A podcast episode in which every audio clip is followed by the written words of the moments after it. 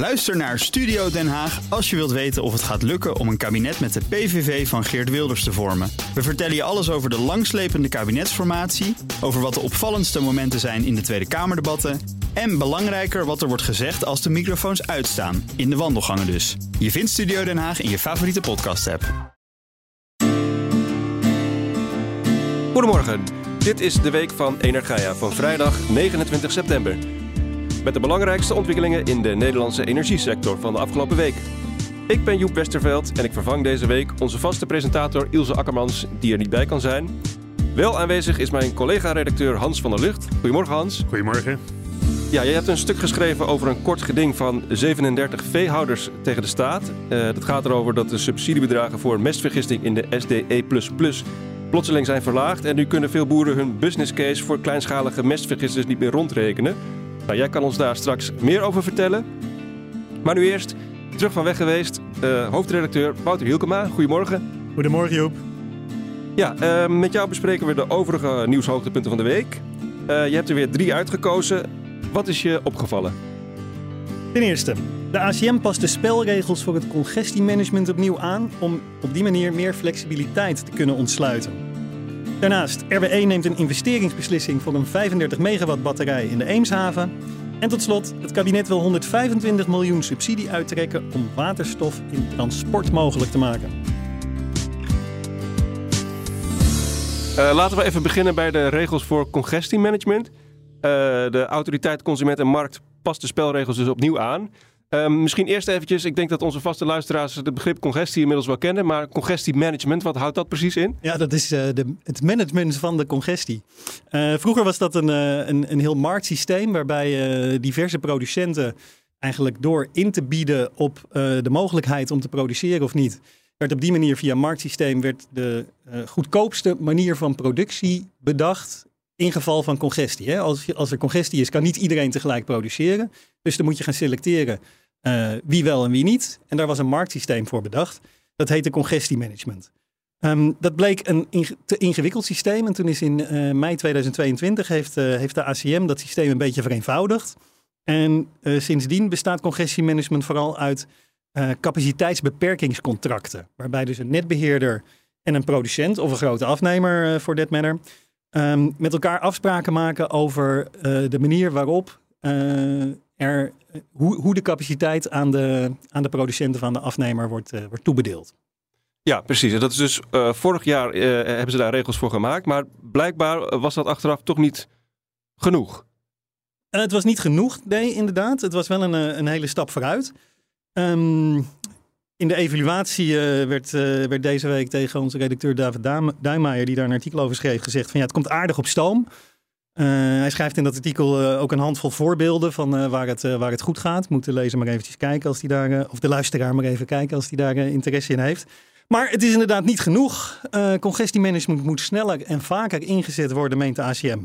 en daarom hebben ze nu een soort verfijning van de regels die ze, die ze vorig jaar presenteerden, hebben ze nu ter inzage gelegd. Ja, precies. En als ik het goed begrijp, is dus een van de verfijningen is dat nu ook uh, grotere bedrijven in groepsverband kunnen meedoen aan congestiemanagement. Uh, zij konden dat al zelfstandig, uh, in tegenstelling tot de kleinere bedrijven. Waarom wilde ACM dat zij ook in groepsverband kunnen meedoen? Nou, eigenlijk de bedrijven vroegen daar zelf om. vanuit de Tweede Kamer is daar ook een, een oproep toe geweest. Um, en het idee erachter is dat op deze manier bedrijven als, als, als groep, zeg maar, kunnen ze betere ja, afspraken maken, betere op elkaar afstemmen. Um, om die aansluiting, hè, om die schaarse capaciteit nog beter te verdelen. Hè, als, je, als je dat in een, in een grote groep doet, um, gaat dat gewoon effectiever dan wanneer je dat uh, alleen doet. En in de vorige regels moest een bedrijf vanaf 1 megawatt moest het alleen doen. Die mocht niet in een groep optreden. En nu kan dat wel. Ja, dus bijvoorbeeld verbruikersprofielen op elkaar afstemmen, dat soort uh, dingen. Ja, precies. Uh, en wat verandert er nog meer? Er zijn een aantal dingen. Ik weet niet of we daar nu heel diep op in moeten gaan. Maar um, bedrijfsterreinen met een privaat net. Dus waar niet uh, de netbeheerders zoals we die allemaal thuis kennen. Maar eh, een bedrijf zelf eigenlijk het, het net uh, beheert. Um, die waren tot nu toe uitgezonderd van congestiemanagement. Die mogen nu ook mee gaan doen. Of moeten zelfs mee gaan doen. Ehm, en de congestieonderzoeken moeten sneller. Daar was, tot nu toe stond er niet echt een maat op. Hè. Op het moment dat er ergens congestie optreedt, moet een netbeheerder gaan onderzoeken of congestiemanagement een oplossing is daarvoor. Uh, tot nu toe mocht een netbeheerder daar zo lang over doen als dat hij nodig had. En nu zegt de ACM van ja, de, soms duurt het gewoon te lang terwijl het best sneller kan. Uh, dus die zetten er nu een maximumtermijn op van zes maanden. Hoe lang duurde het uh, nu dan? Ja, soms wel een jaar. En wanneer gaan deze regels gelden? Ja, dat is nog eventjes de vraag. Het ontwerp codebesluit is nu ter inzage gelegd. Daar kunnen reacties op volgen de komende zes weken. Daarna wordt door de ACM een definitief besluit ge genomen. En dan wordt ook bekend wanneer het allemaal ingaat. Uh, dan, RWE investeert 24 miljoen in een batterij van 35 megawatt bij zijn kolen- en biomassa-centrale in de Eemshaven. Um, misschien toch even voor de beeldvorming. Wat, wat moet ik me ongeveer voorstellen bij een batterij van 35 megawatt? Ja, is moeilijk hè. Uh, het zijn 110 kasten met lithium-ion batterijen, maar dat is nog steeds lastig voor te stellen, denk ik. Um, het gaat om ongeveer 3000 vierkante meter, dus dan hebben we het over een half voetbalveld ongeveer. Um, de batterij krijgt een opslagcapaciteit van 41 megawattuur. Um, dat is op zich niet, niet per se uh, uh, super groot. Er zijn al wel wat grotere voorbeelden in Nederland. In Zeeland uh, zijn, zijn een aantal voorbeelden die lopen tegen de 70 megawattuur. Maar het is een flinke batterij. Ja, en nou, dus de batterij komt bij de Eemshavencentrale, maar RWE ziet het eigenlijk vooral als onderdeel van windpark Oranje Wind. En dat is, dat is een windpark op de Noordzee. Ja. Hoe zit dat? Um, ja, dat is die, die, um, dat windpark op de Noordzee, dat moet nog gebouwd worden. En als onderdeel van de uh, gunning van de, uh, van de kavel, hè, en dus met een aanbesteding hebben allerlei windparkbouwers hebben ingeschreven op het bouwen van dat offshore windpark. RWE heeft dat gewonnen. En uh, systeemintegratie was een belangrijk criterium daarbij. Systeemintegratie wil zeggen dat ja, uh, elektriciteit, uh, het elektriciteitssysteem en het gassysteem meer als één geheel worden gezien. en dat, ja, dat een windpark ook niet standalone is, maar dat de inpassing in het hele net daarbij wordt, wordt bekeken, enzovoort, enzovoort. RWE heeft daar een aantal oplossingen voor, voor bedacht. Zo komt er een drijvend zonnepark bij dat windpark. Er is sprake van elektrolyse, dus waterstofproductie. Maar deze batterij is daar ook onderdeel van. Um, maar die batterij hoeft niet per se in dat windpark te staan of, of, of bij de aanlanding aan de kust te staan. Hè. Het, is, het, is, het is aan de westkust, dus het Hollandse kust-west heet het, uh, heet het kavel waar die komt, de hoogte van Emuiden. Maar die batterij komt dus inderdaad bij de Eemshaven te staan. Nou, zo, zolang er geen congestie is, hè, ons vorige onderwerp, um, kan je Nederland zien als koperen plaat. En dan maakt het eigenlijk niet uit waar die batterij nou gezet wordt. Ja, die batterij gaat ook helpen om, uh, om te zorgen dat uh, de elektriciteit die, op het, die door het windpark wordt geproduceerd, dat die op een goede manier in het Nederlandse elektrische systeem wordt, uh, wordt ingepast. Pieken opvangen. En heeft RWE eigenlijk een beetje ervaring met dit soort grootschalige batterijsystemen? Um, ja, op zich wel. Het is wel de eerste van RWE in Nederland. Maar RWE is natuurlijk een groot Duits bedrijf. Um, bij centrales in Lingen en Werne uh, staan in totaal batterijen voor 117 megawatt en dus nog eens 220 megawatt in aanbouw. En uh, RWE heeft de ambitie om in 2030 voor 3 gigawatt aan batterijen te hebben staan in de landen waar zij, zij actief zijn. Dat is dus wel meer dan Nederland. Um, ja, als je kijkt naar de behoefte in Nederland, dat is altijd een beetje lastig. Ik geloof dat Tennet het heeft geschat op iets van 10 gigawatt in 2030, wat we aan batterijen uh, opgesteld moeten hebben staan. Um, dus dat is, nou ja, als je die, die 35 megawatt batterij die, uh, die RWE nu dus in Eemshaven bouwt, uh, keer 30 ongeveer. Hè? Maar um, als je kijkt naar het aantal aanvragen om batterijen te, te bouwen, dat, is, dat, dat overstijgt die 10 gigawatt nog eens veel meer. Um, de, ja, laatst was daar in het voorjaar was, daar een telling van dat er bij Tennet voor iets van 42 gigawatt aan aanvragen voor batterijen liggen. Ja, dat is weer niet los te zien van die congestie. Hè? Bedrijven die, die willen uh, oplossingen voor hun elektriciteitsverbruik. En uh, op het moment dat ze niet voldoende op het net kunnen vertrouwen, gaan ze zelf oplossingen zoeken. En batterijen zijn daar, of is daar één oplossing van. Ja, dus we staan echt aan het begin nu van de opkomst van de batterijen.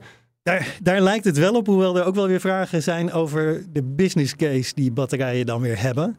Um, dus luister het allemaal wel heel, heel erg nauw. Maar dat batterijen een onderdeel gaan worden van het toekomstige elektriciteitssysteem is denk ik wel een gegeven. Dan, het kabinet wil 125 miljoen subsidie uittrekken voor de ontwikkeling van waterstof in het wegtransport. Ja, ik vond het opvallend nieuws. Um, we hebben in deze podcast wel eens de waterstofladder uh, um, besproken. En die die geeft eigenlijk aan van welke sectoren is waterstof cruciaal voor de verduurzaming? En welke sectoren zijn er ook alternatieven? En is waterstof misschien niet per se nodig om in te zetten? Ik dacht altijd dat het wegtransport een beetje bij die laatste categorie hoorde. Maar dat heb ik dan blijkbaar toch niet helemaal goed begrepen? Ja, of het kabinet heeft het niet goed begrepen. Ehm, het, is, eigenlijk niet helemaal duidelijk. Want um, minister Jette die heeft een, deze zomer een nationaal plan energiesysteem naar de, naar de Kamer gestuurd. Weliswaar een ontwerp, maar toch, daar stonden een aantal keuzes in. En een van de dingen daar was inderdaad dat voor waterstof de keuze wordt gemaakt van dat is voor industrie of voor internationaal transport. Maar dan heb je het vooral over scheepvaart en luchtvaart. En wegtransport stond daar niet in. Maar ja, dit, deze subsidie komt bij het ministerie van Infrastructuur en Waterstaat. Andere minister of staatssecretaris in dit geval. En die zegt van ja, ik wil wel op meerdere paarden wedden. En uh, er zijn voordelen aan uh, rijden op waterstof. je hebt geen lange laadbeurt nodig. Langere afstanden zijn haalbaar. Hogere vermogens zijn haalbaar. Er is geen druk op het elektriciteitsnet. Hoewel dat een beetje de vraag is, want je moet die waterstof ook maken. En die moet groen zijn, dus dat moet met elektrolyse. Maar daarnaast speelt denk ik ook nog mee, er is ook een Europese eis. Of ik weet niet zeker of het een eis is of een wens, maar in elk geval vanuit Europa komt, komt de boodschap van ja, elke zoveel kilometer snelweg moet er een waterstoftankstation staan. Een onderdeel van de Green Deal. Um, dus ja, daar moet ook aan gehoorzaamd worden. Maar tegelijkertijd is op dit moment ook zo dat uh, het waterstof in het wegtransport komt nog niet echt van de grond. Uh, er rijden nu 108 bedrijfswagens op waterstof in Nederland, waarvan 30 zwarte, zware vrachtwagens. Uh, en er zijn ondertussen al 966 zware vrachtwagens op elektriciteit. Hoe verklaart het kabinet dat dan? Nou ja, het, kabinet heeft het over een kip-ei-probleem. Zolang er geen waterstoftankstations zijn, komt er ook geen vervoer met waterstof. Er is ook lang gedacht dat zware vrachtwagens niet op elektriciteit konden rijden. Uh, dat is inmiddels uh, is, is, het tegendeel bewezen, maar dat, dat is wel lang de gedachte geweest.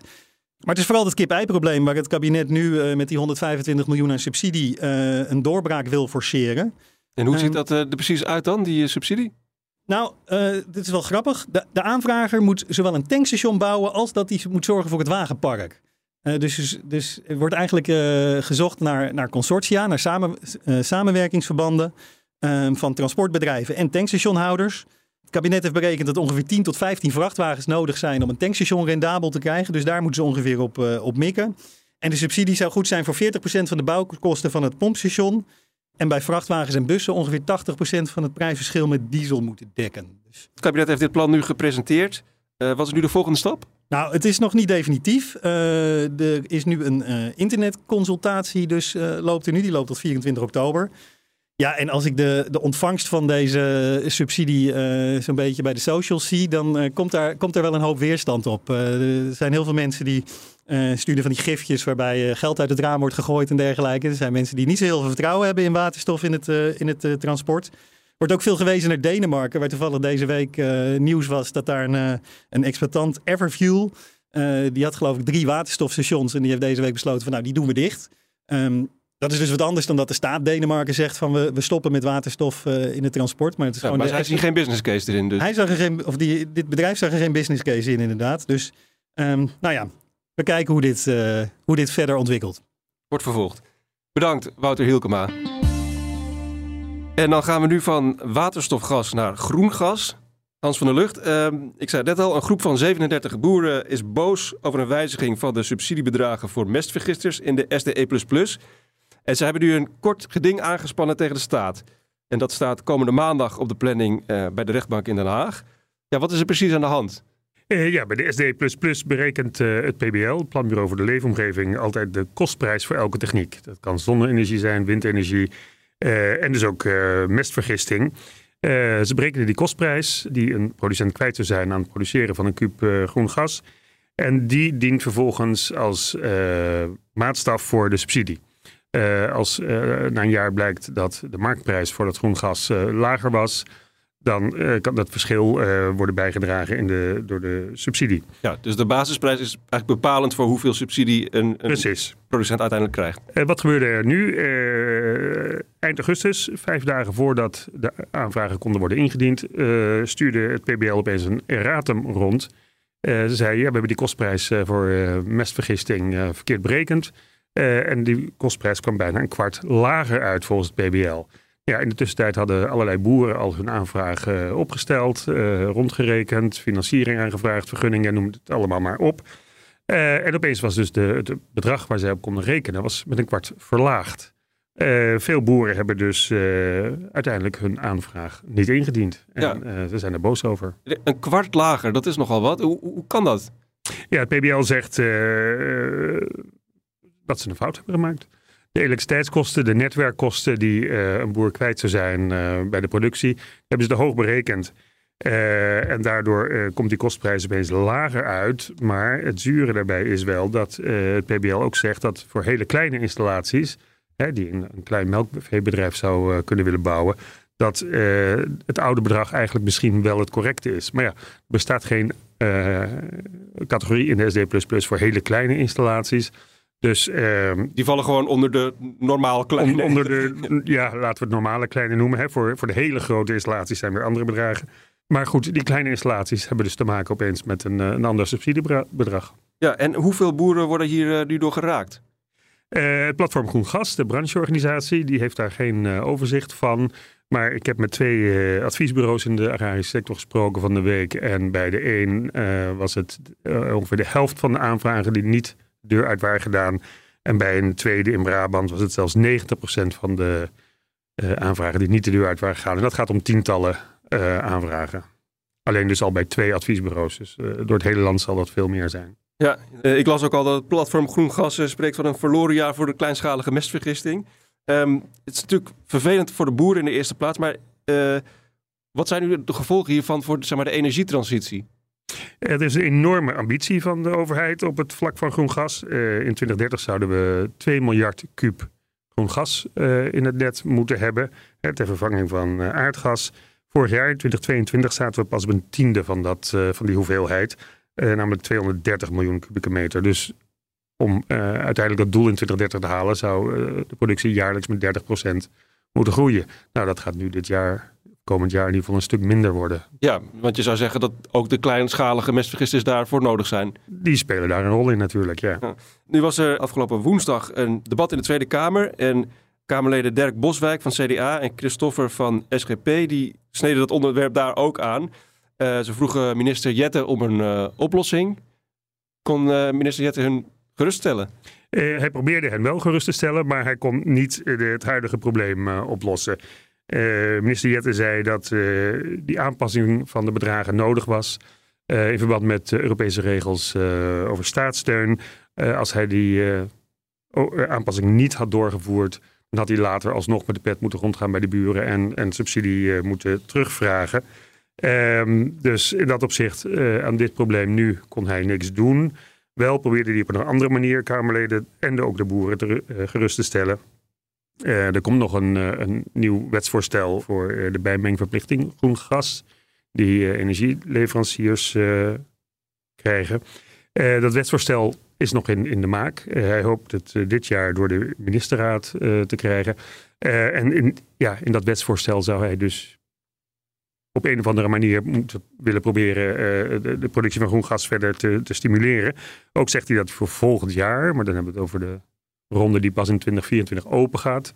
Uh, dat hij daar een, mooi advies, zoals hij zei, uh, voor monomestvergisting in hoop te krijgen. En hij wil ook contact opnemen met lokale bestuurders. Dus dat is natuurlijk vooral een probleem wat speelt in gebieden met veel veehouderijen, Oost-Nederland, in, Brabant. Hij zou daar contact op willen nemen, maar met lokale bestuurders. Maar hij zei niet wat er dan precies, wat, wat welke boodschap hij daar komt ja, waar het, waar het toe moet leiden, die gesprekken met lokale bestuurders, dat is onduidelijk. Maar vanuit de Kamer kan men er verder geen uh, vragen en geen uh, plannen voor, voor een plenair debat en moties en dergelijke. Dus uh, ja, in het parlement is de kwestie bij deze denk ik afgedaan. Ja, en hij hoopt op een mooi advies voor volgend jaar. In hoeverre heeft Jette daar überhaupt vinger in de pap, zal ik maar zeggen? Ja, dat is ook de vraag, want het is het PBL wat de, de kostprijs berekent, hè, waar nu ook de controverse over is. Uh, dat is niet een, uh, een, bedrag wat hij uh, politiek kan beïnvloeden. In principe. Maar misschien aan randvoorwaarden of het is helemaal onduidelijk. Ja. Um, even terug naar het kort geding. De boeren willen dus via de rechter afdwingen dat die last minute wijziging weer wordt teruggedraaid. wat is jouw inschatting? Maken ze een kans? Ja, de stelling van de boeren. Het zijn 37 boeren die de koppen bij elkaar gestoken hebben. Een advocaat hebben opgezocht. En dus inderdaad een kort geding aanspannen. De boeren zeggen de cijfers hebben in de staatscourant gestaan. Wat is de staatscourant nog waard als uh, een publicatie zomaar achteraf met een erratum kan worden aangepast? Um, of de rechter daar gevoelig voor is, dat weten we misschien maandag of in de dagen daarna. Ja, dat gaan we volgen. Uh, dankjewel, Hans van der Lucht. Dit was de week van Energia met de meest in het oog springende ontwikkelingen in de Nederlandse energiesector. Bekijk ook onze site energia.nl voor meer energienieuws. En heb je nu vragen of opmerkingen over onze podcast? Uh, we ze graag. Stuur ze naar podcast.energia.nl. Mijn naam is Joep Westerveld. Fijn dat je luisterde en tot volgende week.